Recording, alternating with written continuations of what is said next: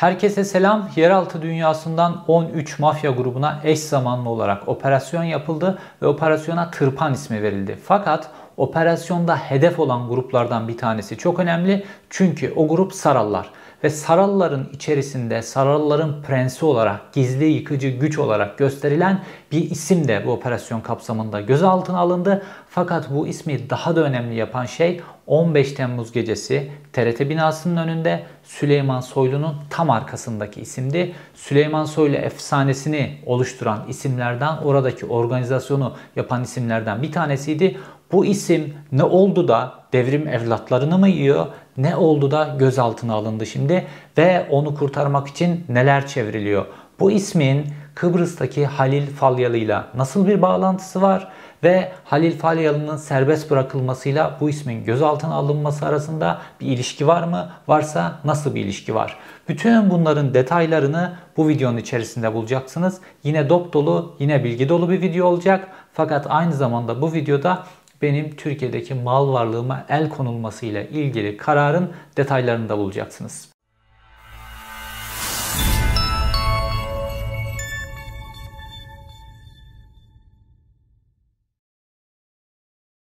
Mafya Tırpan operasyonu 27 ilde birlikte başladı ve Emniyet Genel Müdürlüğü Kaçakçılık ve Organize Suçlarla Mücadele Dairesi yürütüyor. Yani doğrudan Ankara'dan yürütülüyor. Fakat çeşitli illerin kom daireleri de bu operasyona katılıyorlar. Operasyonda 13 ana suç örgütü ve bunlara yardım eden küçük 28 tane kadar küçük suç grubuna yönelik operasyon gerçekleşti ve 389 tane isim aynı anda gözaltına alındı. Şimdi bu kadar kalabalık bir grubun 2021'in son günlerinde aniden böyle gözaltına alınması oldukça enteresan. Fakat bu işin içerisinde bir tane büyük lokma var. İşte o büyük lokma Aziz Saral. Aziz Saral'ı biz nereden biliyoruz? Aziz Saral, Sarallar grubunun prensi olarak biliniyor. Ve Sarallar herhangi bir büyük operasyon yaptığında Aziz Saral muhakkak gölgedeki güç olarak gider iş adamıyla konuşur, organizasyonu yapar, bir yere çökme iş olacaksa Aziz Saral muhakkak önden gider, bütün organizasyonu yapar falan. Böyle kilit bir isim. Aynı zamanda 15 Temmuz gecesi Süleyman Soylu TRT'nin önüne giderken Süleyman Soylu'nun o meşhur akrabası Sadık Soylu'nun aradığı isimlerden bir tanesi ve Aziz Saral kendi adamlarıyla, kendi grubuyla birlikte bir de Ayhan Bora Kaplan denen bir kişi aranıyor. İki grup birlikte geliyorlar ve Süleyman Soylu'nun arkasında silahlarıyla boy gösteren isimlerden bir tanesi Aziz Saral. Bu operasyonda Aziz Saral gözaltına alındı. Aslında Aziz Saral'ın hakkında başka bir operasyon nedeniyle bir gözaltı kararı çıkmış. Sonra Aziz Saral serbest bırakılmış. Yurt dışına çıkış yasağı alınmıştı. Fakat bu yurt dışına çıkış yasağını hiç takmıyordu. Çünkü arkasında Süleyman Soylu vardı. Yurt dışına çıkış yasağı olduğu dönemde bile defalarca Kiev Hollanda, Almanya üçgenine gidip geldiğini biliyoruz. Sonrasında bu yurt dışına çıkış yasağı da kaldırılmıştı ve Aziz Saral'ın Süleyman Soylu'dan kaynaklanan bir dokunulmazlığı vardı. Fakat enteresan bir şey oldu. Bu operasyonda yani mafya tırpan operasyonunda Aziz Saralmak istiyorsa Sarallardan izin almak, onlardan işi almak zorunda. Kimsenin bu alana girmesine Sarallar müsaade etmiyorlar. Fakat bu alan çok büyük bir alan ve diğer grupların da iştahını çok uzun süredir kabartıyor. Fakat Saralların aynı zamanda da Falyalı'yla yani Kıbrıs'ta esas olarak bu sanal bahis işini büyük çapta organize eden Halil Falyalı'yla da ortaklıkları var. İyi biçimde işleri devam ediyor ve bu Aziz Saral da Halil Falyalı'yla aradaki bu bağlantıyı kuran isimlerden bir tanesi. Falyalı kısmına birazdan geleceğiz. Fakat şimdi bu Sarallarla ilgili meselede operasyonun detaylarına gelelim. Bu operasyon nasıl oldu da başladı? Çünkü doğal bir şikayet süreciyle daha doğrusu bir çökmenin ardından başlayan bir şikayet süreciyle Sarallar da bu operasyonun hedeflerinden bir tanesi oluyorlar. Sarallar Serkan Atiker ve Özcan isimli iki kişinin mallarına çöküyorlar. Daha doğrusu bu iki kişi üzerine çok fazla tehdit ve baskı uyguluyorlar ve bu iki kişi de sonunda gidip emniyete şikayette bulunuyor. Aslında operasyon bu şekilde başlıyor diyebiliriz. Fakat bunun da biraz öncesi var. Çünkü Serkan Atiker şu an kendisi de cezaevinde ve sarallar nedeniyle bulaştığı suçlar nedeniyle cezaevinde. Şimdi Serkan Etiker'in aynı zamanda bir kulübü var. Fakat yazılımcı olma yönü de var ve bu yazılım işlerinde de bayağı iyi. Serkan'ı şu şekilde kullanıyor Saral grubu. Buna bet işinde ve İngiltere'de kullandıkları bazı dolandırıcılıkla ilgili sistemlerle ilgili Serkan'a bazı yazılımları biraz da zor kullanarak yaptırıyorlar. Ve Serkan da bu işin içerisine bulaşmış oluyor. Fakat daha sonra bu iş nedeniyle e, emniyetin başlattığı operasyonda Serkan da hedeflerden bir tanesi oluyor. Ve Serkan'a bu sefer diyorlar ki sen diyorlar bu işi üstlen diyorlar. Bu işin hepsini sen üstlen ben yaptım kendi başıma yaptım filan de bizi bu işe karıştırma diyorlar. Şimdi mafya gruplarının içerisinde böyle suç üstlenmeler filan bunlar alışık şeyler ama bu Serkan gibi insanlar için bu, bu çok alışılmış bir şey değil. Ve buna direniyor Serkan. Direnince Serkan'ın üzerine baskı arttırıyorlar. Mal varlıklarına el konma başlıyor. Arsaları gidiyor, parası gidiyor. E, senet imzalattırılıyor zorla. En sonunda kulübünün arsası dahi gidiyor. Onu bile elinden alıyorlar baskıyla. Serkan artık dayanamaz hale geldiği andan itibaren emniyete gidiyor ve Serkan ve Özcan emniyette bildikleri her şeyi anlatıyorlar ve ondan sonra kendileri de Serkan da zaten tutuklanıyor, cezaevine konuyor. Bunların aslında yaptırdığı suçlar nedeniyle işte bu noktadan itibaren işler birazcık daha karışık hale geliyor. Çünkü Serkan'ın savcıya verdiği bazı bilgiler var ve bu bet işi de Türkiye'de başka grupların da iştahını çok kabartıyor. Çünkü Türkiye'de Artık işte son videolarda anlattım demir çelik sektörü vesaire farklı alanlara sürekli çökmeler başlıyor ama bu çökmelerden daha çok iştahı çeken şey bu sanal kumar olayı. Çünkü çok fazla nakit dönüyor, hiçbir denetim yok, yasal düzenleme yok vesaire ve emniyette bir grup, emniyetteki bir güç buna göz yumuyor. Bunun karşılığında da bir grup çok fazla malı götürüyor. Ve baktığımızda Sarallar grubu da Türkiye'deki mafya sıralamasında en üstte olan gruplardan biri olmamasına rağmen gelirleri her geçen gün artıyor. Her geçen gün artıyor ve Türkiye'nin bir numarası olmaya doğru gidiyorlar. İşte burada aslında alttan bir çarpışma var ve emniyetin bu operasyonuna baktığımızda da 13 tane mafya grubu gözaltına alınmış. Fakat Türkiye'nin en büyük mafya grubunun gözaltına alınmadığı, onlara hiçbir biçimde dokunulmadığını görüyoruz. Yani aslında bunlar biçim bir biçimde toplanarak hepsi birden 380 kişi hepsi birden toplanarak bir gruba yol veriliyor Türkiye'de. Bu grubun kim olduğunu zaten hepimiz biliyoruz. Fakat bu bahis işinde özellikle Saralların belini kırmakla ilgili bu operasyon çok kritik. Çünkü Saralların prensi diyebileceğimiz gizli gölge güç olarak nitelenen kişi Aziz Saral bu operasyonun hedeflerinden bir tanesi oldu. Süleyman Soylu'ya bu kadar yakın olmasına 15 Temmuz gecesi TRT'de Süleyman Soylu'nun arkasındaki isimlerden biri olmasına ve kendi arkasında da 15 Temmuz efsanesini taşıyan isimlerden biri olmasına rağmen gözaltına alındı. İçişleri Bakanı'na rağmen, onun korumasına rağmen emniyette nasıl böyle bir operasyon yapılıyor?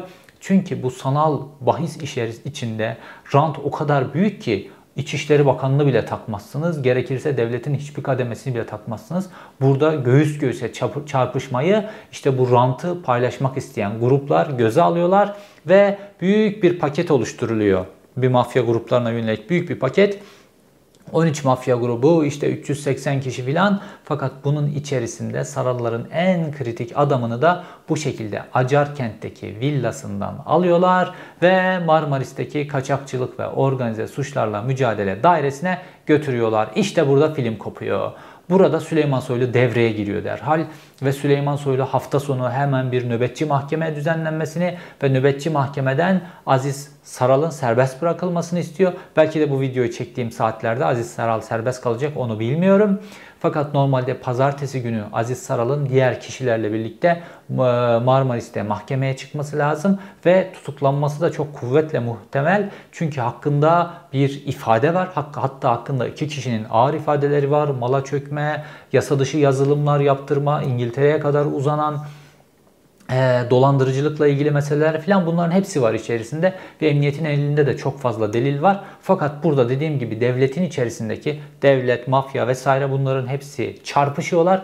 Çünkü bu sanal e, kumar işinden rantı kimi yiyeceği artık çok kritik bir hale gelmiş durumda. Çünkü Türkiye'de artık çökmelerden ziyade buradaki bu sıcak parayı kendine doğru akıtma işi son derece önemli kim kendisine doğru akıtırsa buradaki işi geleceğin en büyük mafya grubu o olacak. Şimdi gelelim konunun Halil Falyalı kısmına. Bir sonrasında Aziz Saral'la ilgili kısmına devam edeceğiz. Halil Falyalı'da Turgut Katırcı isimli bir kişinin ifadesi nedeniyle gözaltına alınmış ve tutuklanmıştı. Turgut Katırcı Girne'de mahkemeye gitmiş, savcılığa gitmiş ve kendisinin Halil Falyalı'nın adamları tarafından darp edildiğini, zorla senet imzalatıldığını, zorla vekaletname imzalatıldığını, arabasının bu şekilde elinden alındığını ve bu senetlerle büyük bir borcun içerisine sokulduğunu vesaire ifade ederek Halil Falyalı'dan şikayetçi olmuştu. Sonrasında savcılık Halil Falyalı'yı gözaltına almış ve tutuklanmıştı. O zamandan beri de Halil Falyalı hapisteydi. Ve Halil Falyalı'nın hapiste olduğu süreçte de Sedat Peker Halil Falyalı'ya yönelik çok büyük bir savaş açtı. Halil Falyalı'nın arşivi bana geçti dedi ve bu arşivde olduğunu iddia ettiği bazı müstehcen görüntüler yayınladı. Dolayısıyla Sedat Peker göğüs göğüse bir savaş başlatmış oldu Halil Falyalı'yla. Normalde Halil Falyalı çok daha büyük bir ekonomik güç. Bu sanal bahis nedeniyle, kokain meselesi nedeniyle vesaire vesaire. Fakat şimdi Sedat Peker'in karşısında çok büyük bir düşman olacak. Çünkü Halil Falyalı artık serbest. Peki Halil Falyalı'nın tutuklanmasına neden olan e, gerekçeler nasıl ortadan kalktı da Halil Falyalı serbest kaldı? Şimdi bu şahit yani Halil Falyalı'dan şikayetçi olan kişi Girne Mahkemesi'ne çıktı son mahkemede.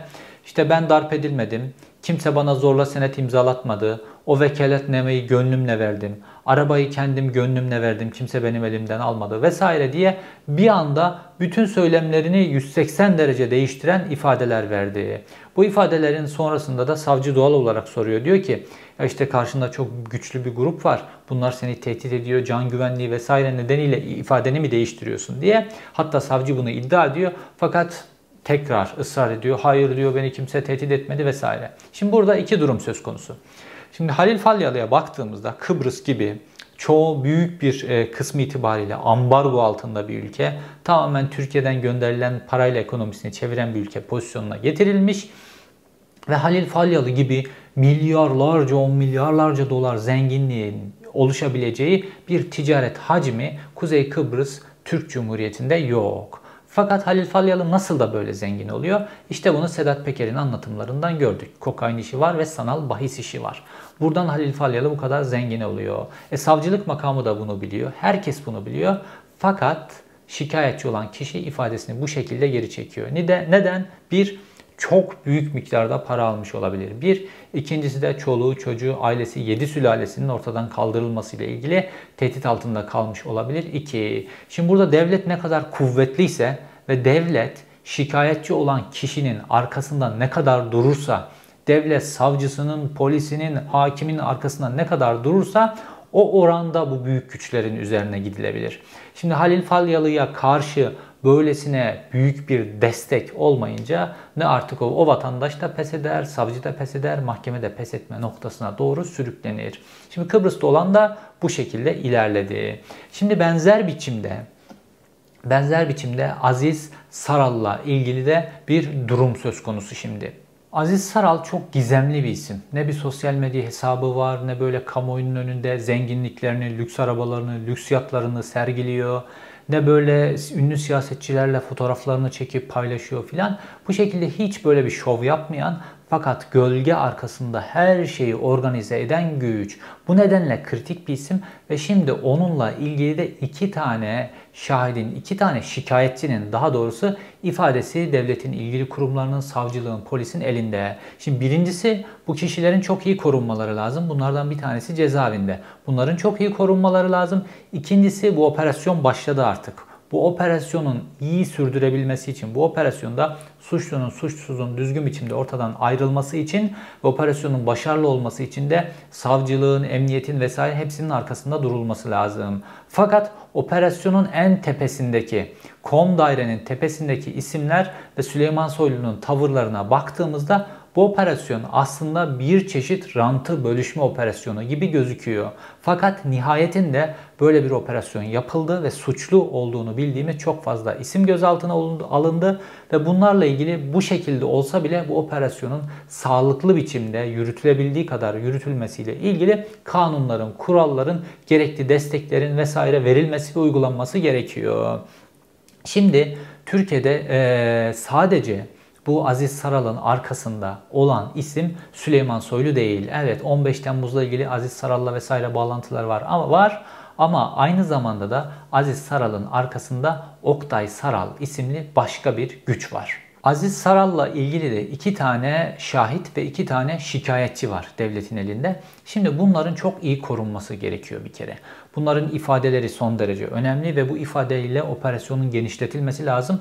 Bu ifadeler üzerinden yürüyerek Türkiye'deki bu büyük kara para organizasyonu sanal bet meselesi tamamen çökertilebilir eğer istenirse. Fakat bu operasyonun gidişine baktığımızda bu operasyon o Ankara'nın zirvesinde, emniyetin zirvesindeki isimler vesaire bunların organizasyonunda bir gruba yol vermek için yapılıyor gibi gözüküyor. Yani bu sanal kumar meselesindeki rantı bir yerden alıp bir yere vermek ya da bunu paylaşmakla ilgili yürütüyor gibi gözüküyor. Umarım yanılıyorumdur ve umarım bu operasyon genişleyerek savcılık aşamasında devam eder ve Türkiye'deki bu sanal kumar aileleri mahveden ve milyarlarca dolarlık kara para oluşmasına neden olan bu iş kökünden kazınır. Umarım. Fakat e, bu Aziz e, Saral'ın arkasındaki tek isim Süleyman Soylu değil. Aynı zamanda Cumhurbaşkanı Recep Tayyip Erdoğan'ın danışmanı Oktay Saral da Aziz Saral'ın arkasındaki isimlerden bir tanesi, baş danışmanlardan biri. Yani Aziz Saral'ın arkasında hem İçişleri Bakanı var hem de Aziz Saral'ın arkasında saraydan Tayyip Erdoğan danışmalı olan Tayyip Erdoğan'a çok yakın bir isim var. Peki İçişleri Bakanı ve saraydan bir iki bir ismin arkasında olduğu kişiye yönelik Türkiye'de hangi güç operasyon yapabilir günümüzün Türkiye'sinde?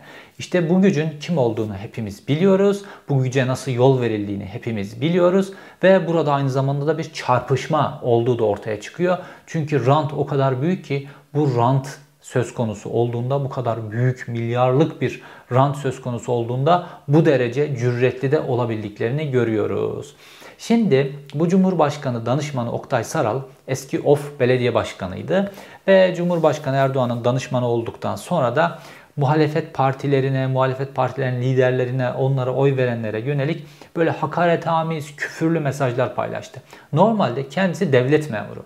Devlet memurunun bir vakarı olması lazım. Devlet memurunu bağlayan etik, ahlaki ilkeler var. Devlet memurunu bağlayan yasalar var.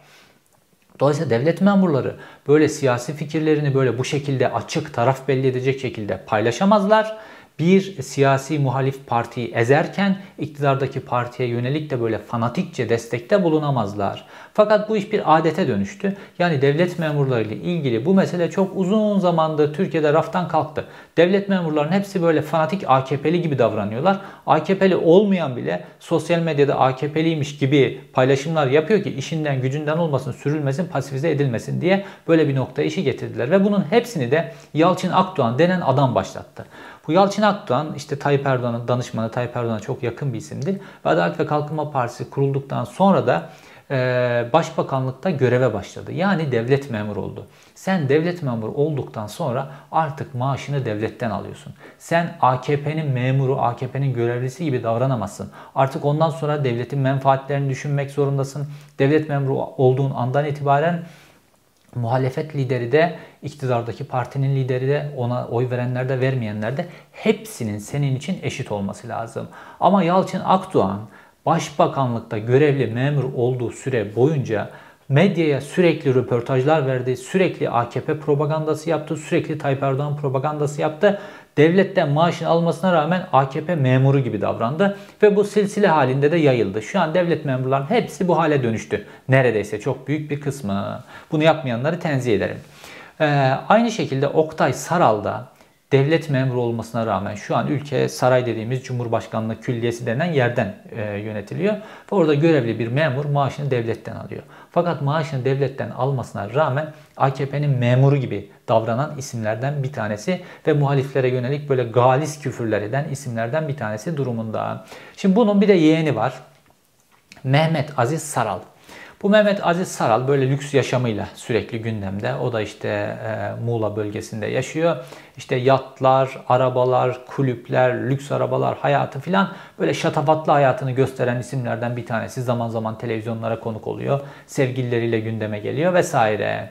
Fakat Esas bugünkü videomuzun konusu olan Aziz Saral'la bu Mehmet Aziz Saral ikisi birbirine karıştırılıyor. Ve Mehmet Aziz Saral'a geçmişte mesela 2018 yılında yapılan bir operasyon var. Bu operasyonun görüntülerinde hep bu Mehmet Aziz Saral'ın fotoğrafları kullanılıyor. Fakat o da herhalde namım yürüsün diye hiç itiraz etmiyor. Bütün bu suçlarla ilgili haberlerde kendi fotoğraflarının kullanmasına rağmen buna hiç itiraz etmiyor. Aynı zamanda bu yani onun fotoğraflarının, yanlış fotoğraflarının e, paylaşılması Aziz Saral'a bir koruma kalkan oluşturuyor.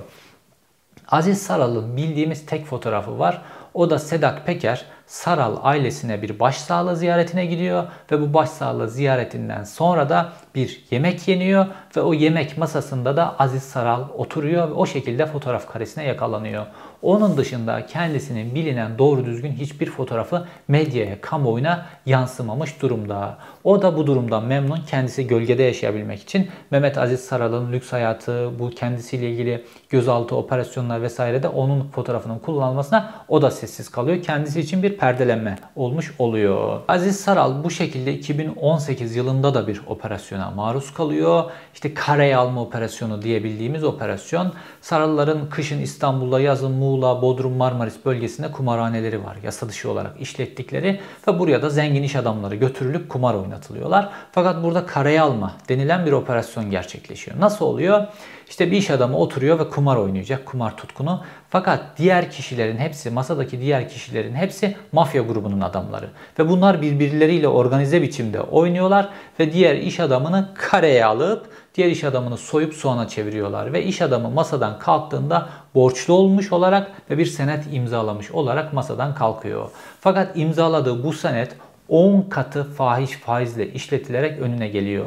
Ve iki tane iş adamı da bu şekilde şikayetçi oluyorlar. İşte 30 bin lira borçla masadan kalkmış, elinden 500 bin liralık hamur jipini almışlar. Birisi 100 bin liralık senet imzalayarak masadan kalkmış, bu 1,5 milyon olarak tahsil edilmeye çalışılmış. İnsanlar tehdit edilmiş, dövülmüş vesaire ve iki iş adamı da şikayetçi olduktan sonra Aziz Saral'la ilgili bir operasyon başlıyor bu şekilde. Fakat baktığımızda operasyon haberine Mehmet Aziz Saral'ın fotoğrafının kullanıldığını görüyoruz. Aziz Saral sürekli olarak kendini bu şekilde perdeliyor. Çünkü yönettiği bu sanal bet meselesi ve normal kumarhaneler meselesinde çok büyük para var.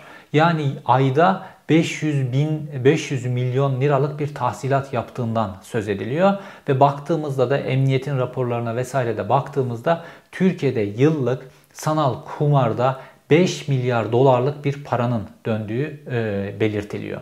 Dolayısıyla bu 5 milyar dolar tamamen kara para ve bu paranın dönebilmesi için Türkiye'de bu kara paranın, sanal kumarın dönebilmesi için bazı sistemler yazdılar. Bazı uluslararası sistemler yazmak zorunda kaldılar. Mafya o kadar büyüttü işi. Hani PayPal gibi şimdi ismini verirsem suç olur. PayPal'in benzerinin Türkiye versiyonunu icat ettiler. Para gönderme alma sistemi. Bu sırf bu kumar parasını aklayabilmek, çevirebilmek, Türkiye'nin dışına çıkartabilmek vesaire bunun için icat edilmiş bir sistemdi ve bunun içine normal vatandaşları da kurban olarak soktular. İşte ilanlarını bile Instagram'da vesaire her yerde karşımıza çıkıyor. İşte ne diyor? İşte e, hesabınızın bu para gönderme sistemi hesabınızı e, aylık 3 bin liraya kiralıyoruz, 5 bin liraya kiralıyoruz. 100 bin lira gönderme limiti varsa 5 bin liraya kiralıyor. Bu insanlar da fakir, Türkiye'deki insanlar da fakir. Gidiyor bir tane hesap açıyor buradan. Ondan sonra bu hesabını götürüp bu mafya grubuna veriyor. Onlar onun hesabının üzerinden sürekli yüz binler, yüz binler, yüz binler aktarıyorlar. O da ayda 3 bin, 5 bin alıyor da o şekilde karnını doyurmaya çalışıyor. Bunu bir sisteme çevirdiler. Bunun emniyette farkında, masakta farkında, herkes farkında. Fakat kimse bu sisteme dokunmuyor. Neden? Çünkü burada çok çok büyük bir rant var ve bu ranttan şu an bu rantı engellemesi gereken devlet memurlarına, siyasetçilere, İçişleri Bakanlığı ona buna hepsine bahşişi peşin ödeniyor. Bahşişleri peşin ödendiği için de onlar göz yumuyorlar. Fakat Türkiye'de giderek yükselen zaten bir numara olan ama Türkiye'de son zamanlarca iyice yükselen bir grup var. Daha doğrusu iki grup diyebileceğimiz birlikte organize hareket ediyorlar. Ve bu gruplar ki son zamanlarda bu grupların çökme hadiseleriyle ilgili bayağı bilgiler verdim size. Bu gruplar artık bu işin içerisinde biz de varız. Biz de buradan ekmek yiyeceğiz. Bu işi de yönetmek bizim hakkımız noktasına geldikleri için 13 tane mafya grubunun hepsini bir çuvalın içerisine soktular. Fakat bu grup bütün Türkiye'de bütün organize suçlardan, bütün e, işlerden hiçbir haberi yokmuş gibi bu grubun bir tane tavuğunu bile bu operasyonda gözaltına almadılar. Ne kadar enteresan. İşte emniyetin bu bilinen bir yöntemi. Emniyet bir mafya grubuna yol vermek isterse bu 90'larda özellikle çok yapıldı. Bir mafya grubunun önü açılmak isterse diğer mafya grubu e, baskı altına alınıyordur. Normalde esas olan suçun üzerine gitmezse, gitmekse bu suç iş, işinde zaten hepsi birbirine e, eninde sonunda birbiriyle irtibatlı olarak çalışıyorlardır. Birinden ipi çekersen diğerinden çıkar normalde. Fakat sadece bir yere e, odaklanıyorsan ve sürekli orayı dövmeye başladıysan diğerinin önünü açıyorsundur ve bu şekilde e, rant oraya doğru akmaya başlar. Zaten Türkiye'de son zamanlarda işte pudra şekeri vesaire bu gibi hadiselerde rant hep bir tarafa doğru başka taraflara doğru kaydırılıyordu ve Türkiye'de bazı güçler yükseltiliyordu. Yeni piyasaya giren güçler yükseltiliyordu. İşte mesela Ankara'da Ayhan Bora Kaplan denen adam var ya Süleyman Soylu bu şekilde onun önünü açmıştı ve bu şekilde bir anda ortaya çıkan bir adam. Normalde hiç arkası yok, kimsesi yok. Nereden çıktı bu adam böyle bir köklü bir mafya geleneğinden gelmiyor filan. Bir anda bütün mafyada mafya gruplarına hakim olmaya başladı. Ankara'da Kürt Ahmet grubunu bile bastıracak bir noktaya kadar gelmişti böyle. Bir anda ortaya çıkan bir zıp çıktı. Fakat arkasında ona yol veren bir devlet mekanizması olduğu için bu iş böyle oldu. Şimdi normalde Türkiye'de de aileler yıkılıyor. Türkiye'nin zaten bu ekonomisinin zor olduğu günlerde yıllık 5 milyar dolar gibi bir para tamamen kayıt dışına çıkartılıyor ve bu kayıt dışına çıkartılması da Türkiye'ye çok büyük bir ekonomik zarar veriyor. Normalde buna yol verilmemesi lazım fakat buna yol veriliyor. Çünkü bu işin içerisinde aynı zamanda dediğim gibi baş işini peşin alan insanlar var. Şimdi bunlara yol verilirken bizim başımıza neler geliyor? Benim başıma neler geliyor? İşte son günlerde görmüşsünüzdür. Resmi gazetede bir karar yayınlandı. Ve bu kararda da işte 400-500'e yakın insanın mal varlığına el konuldu. Şimdi bunlardan bir tanesi de benim. Türkiye'deki mal varlığıma el konuldu. Normalde Türkiye'de bir mal varlığım yok zaten. Yani son mal varlığımı da satıp e, yurt dışına çıkmıştım. Onu da insan kaçakçılarına verip beni bir ve ailemi bir e, botla Türkiye'den çıkarmaları için son e, mal varlığımı da onların avuçlarının içerisine koyup çok küçük bir miktarda bir parayla yurt dışına çıkmıştım. Fakat burada ne yapmaya çalışıyorlar? Burada işte terörist etiketini senin üzerine yapıştırmaya çalışıyorlar sürekli. Bunu farklı yöntemlerle sürekli deniyorlar. Benim mal varlığımın olmadığını bir dakikalık bir mesaiyle herhangi bir devlet memuru, emniyet görevlisi, MİT görevlisi filan bunların hepsi görürler. Mal varlığım olmadığını bildikleri halde bu kararı çıkartıyorlar. Neden? Çünkü terörist etiketini iyice yapıştırmak için. Fakat bu etiket bende tutmaz ve etkimi kırmaya da yol açmaz. Normalde ben Türkiye'de polis muhabirliğinden, gece muhabirliğinden başlayarak adım adım foto muhabirlikte yaptım adım adım bir noktaya geldim ve Nokta Dergisi'nin yayın yönetmeniydim. Yayın yönetmenliği bizim meslekte gelebileceğiniz en üst nokta diyebileceğimiz bir meseledir. Ama ben böyle yayın yönetmenliğiken böyle başka yayın yönetmenleri böyle Ertuğrul Özkök vesaire onlarla karşılaştırmayın. Öyle elit zenginlik içerisinde falan öyle bir hayatım yoktu. Metrobüste işe gidiyordum, geliyordum. Bizim e, Nokta Dergisi'nin çaycısı da metrobüste işe gidip geliyordu. Ben de metrobüste işe gidip geliyordum. Hatta bazen beraber çıkıp metrobüsle e, gidiyorduk bir yerlere. Dolayısıyla ama etkili bir dergi yapıyorduk. Nokta dergisi çok etkili bir dergiydi. Ve bu etkili olmasının da zaten e, bedelini bir, biçimde ödüyorum. Ve Türkiye'yi terk etmek zorunda kaldığımda yayın yönetmenliğim de gitti. O tırnaklarımla kazıyarak geldiğim meslekteki bütün kariyerim de gitti. Mal varlığım da gitti. Çocuklarımın geleceği vesaire her şeyi sıfırladılar. Fakat tekrar tırnaklarımla kaza kaza meslekte tutundum burada ve şimdi de bence kendime göre e, etkili bir YouTube kanalı ortaya çıkardım ve insanlar da beğendikleri için izliyor olsalar gerek ve burada da hiç kimseden çekinmeden böyle muhalifmiş gibi davranmadan esas güç gruplarına dokunmadan tatlı su muhalefeti yapmadan esas güç gruplarına korkutucu gruplara onların tehditlerine de maruz kalma pahasına Bunların hepsine rağmen mesleğimi yapmaya çalışıyorum ve bu şekilde de kamuoyunun bana bir ilgisi var. Dolayısıyla beni Türkiye'de bir kere sıfırladınız. Şimdi de sıfırlamaya çalışabilirsiniz. Sıfırlarsınız da belki. Fakat şunu bir türlü anlayamıyorsunuz. Tekrar başarabilirim. Tekrar benim gibi haksız yere e, mesleğinden edilmiş, ülkesinden edilmiş insanlar tekrar başarabilirler. Ki ben burada örneklerini de görüyorum. Yani çok saygıdeğer Dışişleri Bakanlığı mensupları, öğretmenler, polisler, başka mesleklerden insanlar bu şekilde mesleklerinden edildiler, sürgün olmak zorunda kaldılar. E, hayatlarını, ailelerinin hayatını te- tehlikeye atma pahasına buralara geldiler. Bakıyorum şimdi hepsi yeniden çok iyi mesleklere başlamışlar. Dil öğrenmişler, yeniden bir meslek kariyeri yapmışlar falan. 2-3 yılda, 4 yılda yeniden hayatlarını kurmuşlar. Bunlar Türkiye'nin kaybı. Ben de bir gazeteci olarak Türkiye'nin kaybı olduğunu düşünüyorum. Ben mesleğimi Türkiye'den yapıyor olabilirdim ve haber kaynaklarına çok daha iyi ulaşabilirdim ve şu an denetlenemeyen bu iktidarı daha iyi denetlemek için gazetecilik görevimi yapabilirdim. Fakat bunu bana Türkiye'de yaptırmadınız ama ben burada yaparım.